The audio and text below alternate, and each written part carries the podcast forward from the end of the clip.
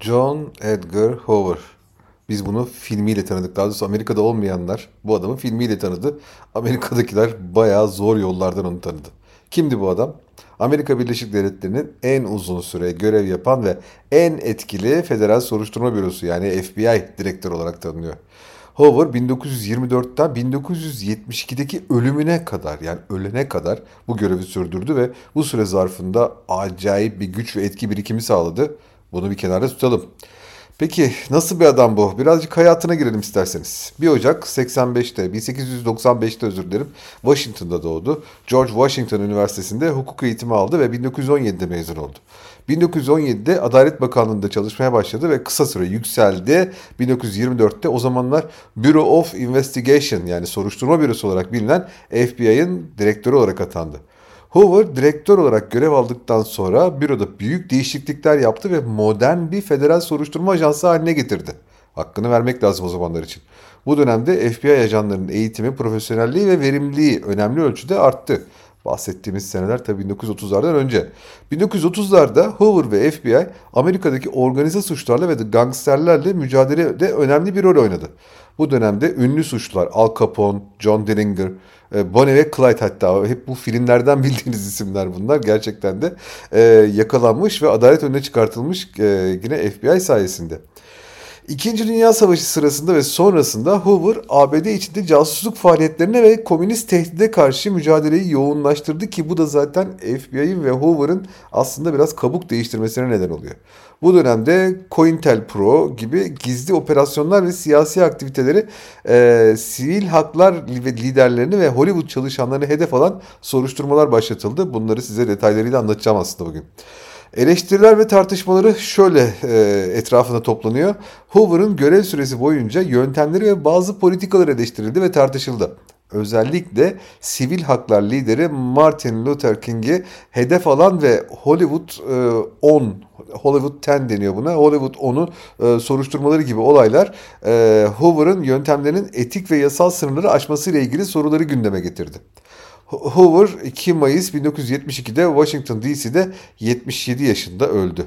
Ölümünden sonra Hoover'ın eylemleri ve yöntemleri eleştirilen soruşturmaların odağı oldu. Hoover'ın mirası FBI'yi etkili ve modern bir federal e, soruşturma ajansı haline e, getirdi. Şimdi e, biraz o teker teker isterseniz bu maddeleri açalım. E, Martin Luther King Jr.'ı e, hedef alan e, o yaptığı işler nelerdi? Bir mektup efendim çok çirkin şeyler yaptı hayatı boyunca ama en çirkini bence bu Martin Luther King'e e, FBI tarafından yazıldığı söylenen ama hep reddedilen şöyle bir mektup. Şöyle başlıyor mektup. King. Hani babasının ne oluyor? Ey King gibi. Düşük notunuz göz önüne alındığında e, adını ya bir bay ya da bir baş rahibe ya da bir doktor ile onurlandırmayacağım. Ve soyadın sadece 8 demiş. O 8. King. Martin Luther King. King kalbine bak. Biliyorsun ki tüm zenciler için tam bir sahtekar ve büyük bir sorunsun. Bu ülkedeki beyazların da kendi sahtekarlıkları var ama eminim ki şu anda durumunuzu eşitleyecek hiçbir yerde bir tane bile örnek yok. Sen din adamı değilsin ve olmadığını da biliyorsun. Sana muazzam bir sahtekarlık, uğursuzluk, e, berbat bir şey olduğunu tekrar tekrar söylüyorum. Tanrı'ya inanıyor olamazsın. Açıkçası hiçbir kişisel ahlaki ilkeye de inanmıyorsun. King, tüm dolandırıcılar gibi sonun yaklaşıyor. En büyük liderimiz olabilirdin. Erken yaşta bile e, lider değil, çözülmüş, anormal ahlaki bir embesil oldun. Şimdi karakter adamı olan Wilkins gibi eski liderlerimize güvenmek zorundayız ve Tanrı'ya şükürler olsun ki onun gibi başkaları da var. Ama bitti. Fahri derecelerin, Nobel ödülün ne korkunç bir saçmalık ve diğer ödüller seni kurtaramaz. King, senin için her şeyin bittiğini tekrar ediyorum. Hiç kimse gerçeklerin üstesinden gelemez. Senin gibi sahtekar bile. Tekrar ediyorum. Hiç kimse gerçeklere karşı başarılı bir şekilde tartışamaz. Şeytan bundan daha fazlasını yapamazdı. Ne inanılmaz bir kötülük. King, işin bitti. Amerikan halkı, yardım eden hisse örgütleri, protestan, katolik ve Yahudiler seni kötü, anormal bir canavar olarak tanıyacak. Seni destekleyenler de öyle. Artık bittiniz. King, yapabileceğin tek bir şey kalmadı. Ne tek bir şey kaldı. Ne olduğunu biliyorsun. Bunu yapmak için sadece 34 günüm var. Bu kesin sayı belirli bir nedenden dolayı seçildi. Kesin pratik önemi var. Bittin. Senin için tek bir çıkış yolu bulunuyor. kirli, anormal ve hileli benliğin ulusa bağlı olmadan önce onu kendin alsan iyi olur. Şimdi bu mektup neden çok önemli? Ee, onu biraz açalım. Mektup 1964 yılında Hoover tarafından anonim olarak gönderildi ve daha sonra FBI tarafından hazırlandığı ortaya çıktı. Mektubun amacı King'i itibarsızlaştırmak ve onu intihara teşvik etmekti. King mektubu aldığında Hoover ve FBI'nin arkasında olduğunu düşündü ve mektubu siyasi baskı ve tehdit olarak gördü. Mektup FBI'nin King'e Amerikan Sivil Haklar Hareketi'ne karşı düşmanca bir tutum sergilediğini gösterdi. O dönemde King'in hareketi Amerika'da büyük sosyal değişimler başlatmıştı ve onun liderliği, ırkçılığı ve ayrımcılığa karşı mücadeleyi güçlendirmişti. Bu olay FBI ve Amerikan hükümetinin sivil haklar liderlerine karşı nasıl bir tutum sergilediğinin önemli bir örneği olarak tarihe geçti. Bu mektup aynı zamanda Amerikan tarihi ve siyasetindeki güç dengeleri ve etik tartışmalar açısından önemli bir dönüm noktası oldu. Peki sadece bu mektup mu onun çirkinliği? Hayır. FBI'nin ilk direktörü olarak 48 yıl boyunca görev yaptı ve birçok tartışmalı ve skandal eylemle ilişkilendirildi. İşte mesela Hoover'ın yaptığı birkaç şeyi sayayım size hemen hızlıca. COINTELPRO diye bir şey var. Bu COINTELPRO FBI tarafından yürütülen gizli bir programmış. 1956'dan 71'e kadar devam etmiş.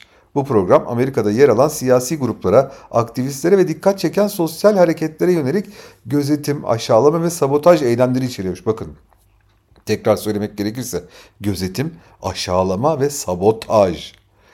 Hoover programı başlatan, başlatarak dönemin radikal kabul edilen gruplarını ve bireylerini sindirmeye amaçlamış.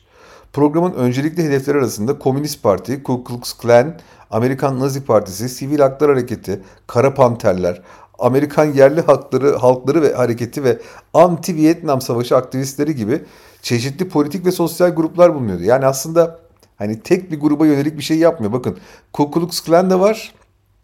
Ne bileyim Kara Panterler de var. Yani hani tam olarak sopanın iki ayrı tarafı. COINTELPRO hedeflerine yönelik gizli ve yasa dışı teknikler kullanmış ve bu grupların ve bireylerin itibarını zedeleyip onları sosyal ve politik olarak etkisiz hale getirmeye çalışmış. COINTELPRO'nun uygulamaları hedeflerin özel yaşamlarına müdahale etmeyi, sahte belgeler yaymayı, yasa dışı gözetim ve telefon dinlemeleri gerçekleştirmeyi, işbirliği içinde olan basın organları aracılığıyla olumsuz propaganda yapmayı ve hatta bazı durumlarda şiddet içeren eylemlere destek sağlamayı içeriyormuş. 1971'de bir grup aktivist COINTELPRO'ya dair belgeleri ortaya çıkartmış ve durum kamuoyunun dikkatini çekmiş. Bu olayın ardından 1975'te Senato tarafından gerçekleştirilen Church Komitesi adlı bir soruşturma başlatılmış. COINTELPRO'nun faaliyetleri ve Hoover'ın yönetimi eleştirilere maruz kalmış. Soruşturma sonucunda COINTELPRO'nun yasa dışı ve anayasaya aykırı olduğu sonucuna varılmış ve program sona erdirilmiş. Bu onun yaptığı kötü şeylerden sadece bir tanesi bakın.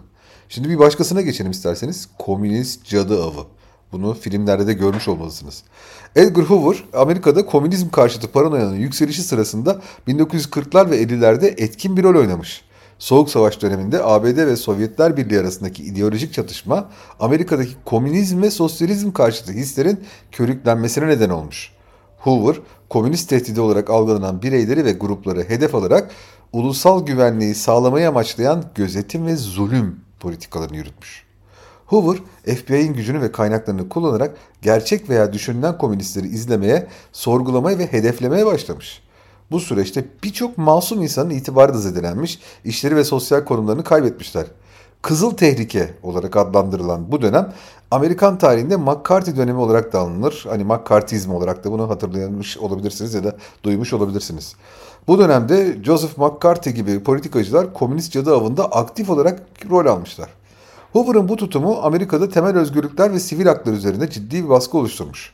Hükümetin ve FBI'nin güçlerini aşırı kullanımı yargısız infazlara ve haksız kovuşturmalara yol açmış.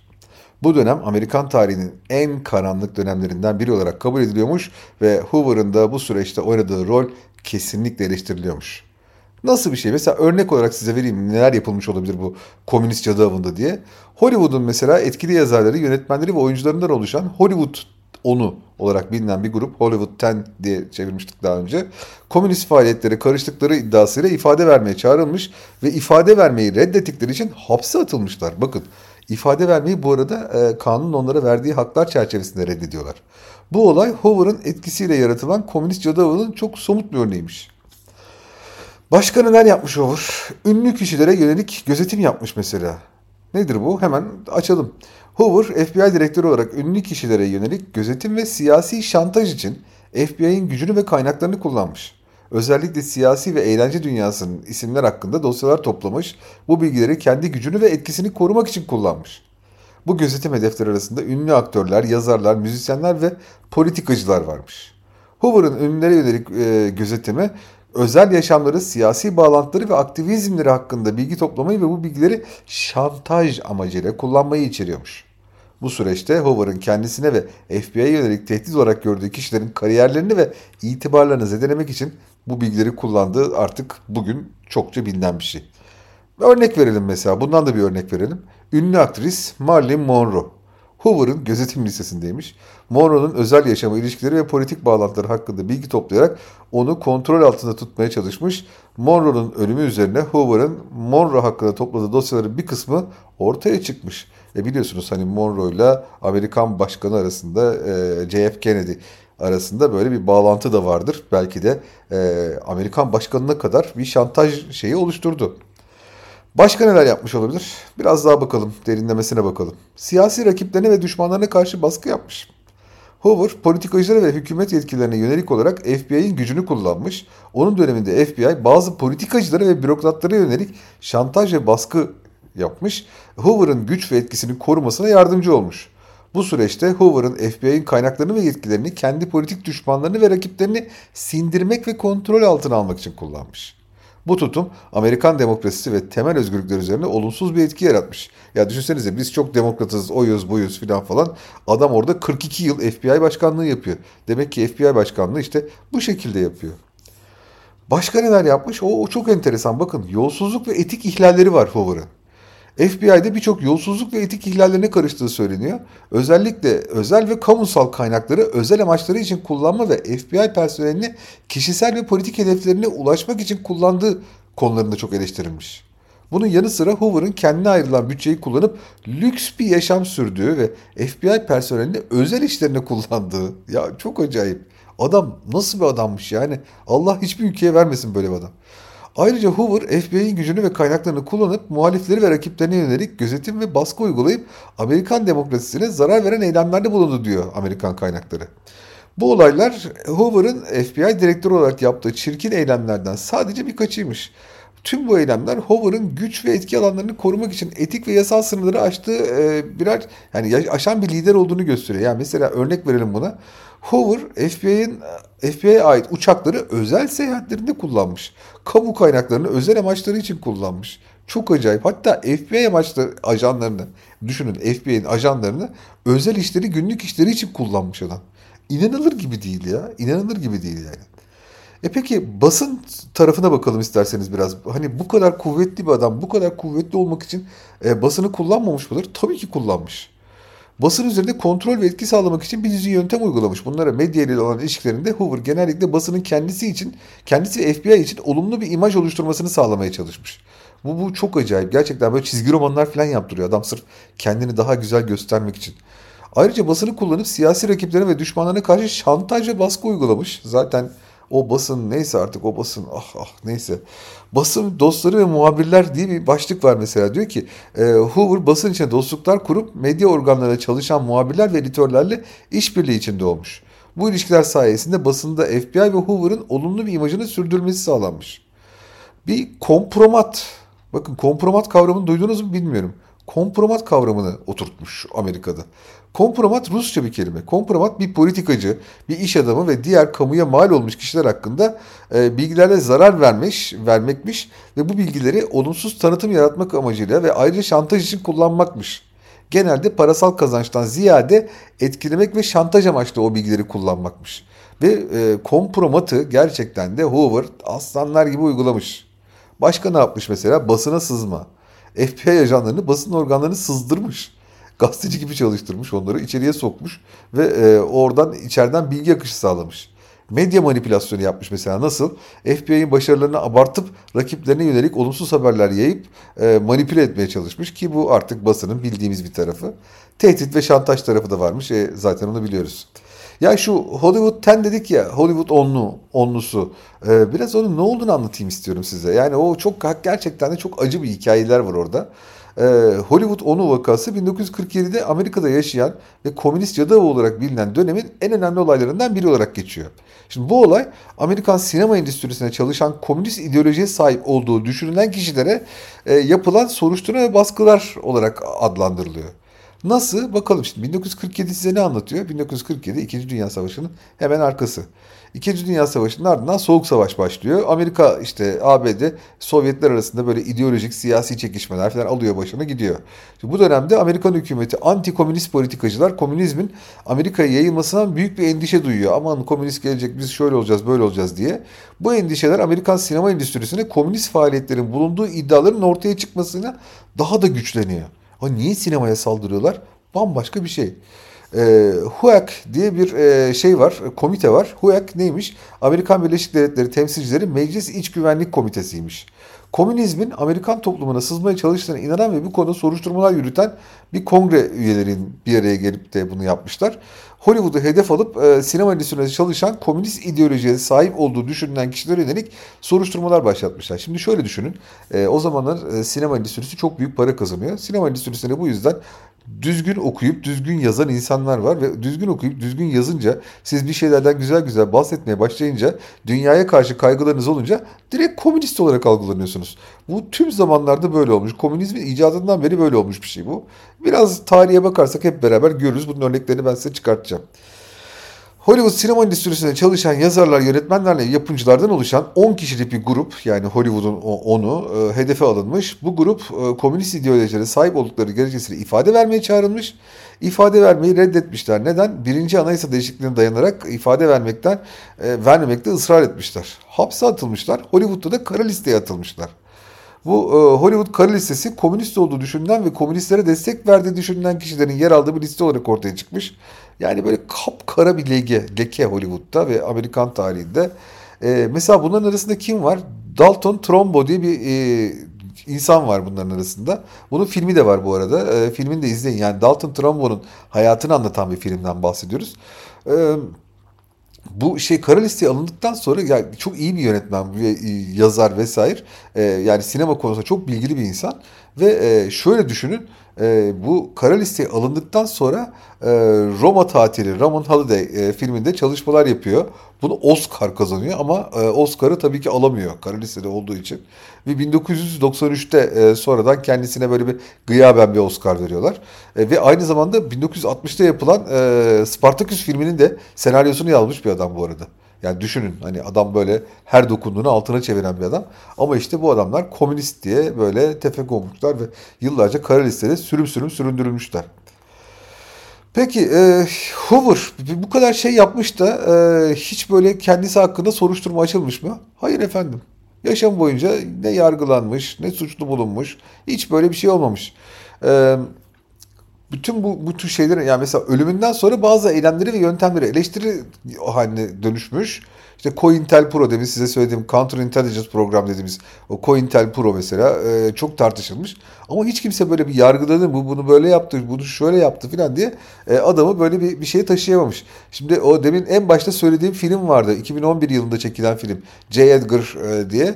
E, Clint Eastwood bu filmi çekmişti ve e, DiCaprio oynuyordu. J. Edgar Hoover'ı canlandırıyordu. Müthiş bir film bu arada. Gerçekten de izleyin. Bu filmde bence en çok dikkat dikkat çeken noktalardan bir tanesi. Ben filmi izleyinceye kadar böyle bir şey olduğunu bilmiyordum. E, Hoover'a eşcinsellik atfediliyor. Bu da bu tartışma da çok enteresan. Yani son olarak bundan da biraz bahsedelim. Ee, ölümünden sonra iddiaya, çıkan iddialar ve spekülasyonlar aslında bunlar eşcinsellik şeyi. Ee, bu iddiaların temel dayanağı Hoover'ın yakın bir arkadaşı var. FBI'de meslektaşı. Filmde de göreceksiniz onu. Ee, Clyde Tolson diye bir abi. Ee, bu Hoover ve Tolson birlikte yaşadıkları ve tatile çıktıkları için birbirlerinin vasiyetlerinde birbirlerine mal bıraktıkları için e, çok yakın biliniyorlar ve bu hani eşcinsellik olarak ya var kesin onların arasında bir şey var diye bakılıyor. Ee, ya bu arada işin daha acayip bir tarafı var. Hoover'ın eşcinsellik iddialarıyla ilgili e, şey de var. E, 1950'ler ve 60'larda eşcinsel bireylere yönelik ayrımcılık ve zulmü destekleyen politikalar yürütmüş. Allah Allah diyeceksiniz. Yani evet bunu da yapmış yani adam. Hani eşcinselse de eşcinselleri de e, hani böyle e, dövmeden bırakmamış yani kelimenin tırnak içindeki anlamıyla. E, bu dönemde Amerikan hükümetinde çalışan eşcinsel bireylerin işlerini kaybetmelerine yol açan lavanta korkusu olarak bilinen bir süreç yaşanmış. Bakın lavanta korkusu, lavender scare diye bir şey bu. E, ve Amerika'da o zamanlar çok önemli kavramlardan bir tanesi. Ee, hemen anlatalım onda ne olduğunu. 1950'ler ve 60'larda hani bu işte kamu görevleri dediğimiz gibi e, bu şey yapan eşcinseller bireylerin komünistlerle işbirliği yapabileceği ve şantaja açık olduğunu düşünüyorlar. Yani bakın nereden giriyor, nereden çıkıyor. Yani eşcinselse o Ruslar onları ele geçirebilirler ve onlara şantaj yaparlar. Çünkü eşcinsel olmak çok kötü. İnsanları böyle sen bak eşcinselsin ben bunu kanıtlayabilirim. Çabuk bize içeriden bilgiler ver diyeceklerini düşünüyorlar ya da e, terbiyesizlik yapıyorlar yani. Levanta korkusu Soğuk Savaş döneminin komünist tehdide karşı yaşanan paranoyanın ve korkunun bir parçası olmuş. Yani Levanta ismi o yüzden Amerika'da böyle çok muteber bir koku değil diye anlıyorum ben. Bu korku eşcinsel bireylerin de hedefe alındığı ve işlerini kaybettikleri bir sürece de dönüşmüş. Bayağı eşcinselsen sen devlet kurumlarında çalışamazsın demişler adamlara. Ya inanılmaz zamanlar ya. İnanılmaz korku. Ve lavanta korkusu Amerikan tarihinde LGBT hakları ve ayrımcılıkla ilgili önemli bir dönem olmuş. Bu süreç daha sonra LGBT hakları hareketinin güçlenmesiyle 1969'daki Stonewall ayaklamasına kadar devam etmiş. Lavanta korkusu Amerikan toplumundaki eşcinsellere yönelik tutumlarını ve politikalarını tarihe ışık tutan bir olay olarak e, ortaya çıkıyor, karşımıza çıkıyor. Yani total olarak baktığımızda eğer bir kişi çok güçlenirse özellikle de böyle istihbarat teşkilatı vesairelerin başında olursa çok iyi işler yapmış olsa bile hani Al Capone'u ortadan kaldırmak, Bonnie ve Clyde'i yakalamak gibi çok önemli işler yapmış olsalar bile e, yani sonuçta sonradan bozulmaya uğrayabiliyor. Demek ki bu adamları böyle kısa süreli tutmak lazım. Böyle 42 yıl siz orada tutarsanız adam ırkçı da oluyor, eşcinsel karşıtı da oluyor. Her şey oluyor yani ve e, Amerika'da hatta başkanlara bile şantaj yapacak hale gelebiliyor. Hoover bu. Yani Hoover'dan bizim ülkemize de alınacak dersler vardır mutlaka ama bu dersleri size verecek olan ben değilim. Hepinize mutlu bir e, gün diliyorum. Valla bana her daim Serhat Ayan ismiyle ulaşabilirsiniz. Tüm sosyal medya varlıkları üzerinden. Sizlere böylesi küçük bilgiseller vermeye devam edeceğim efendim. Mutlu kalın.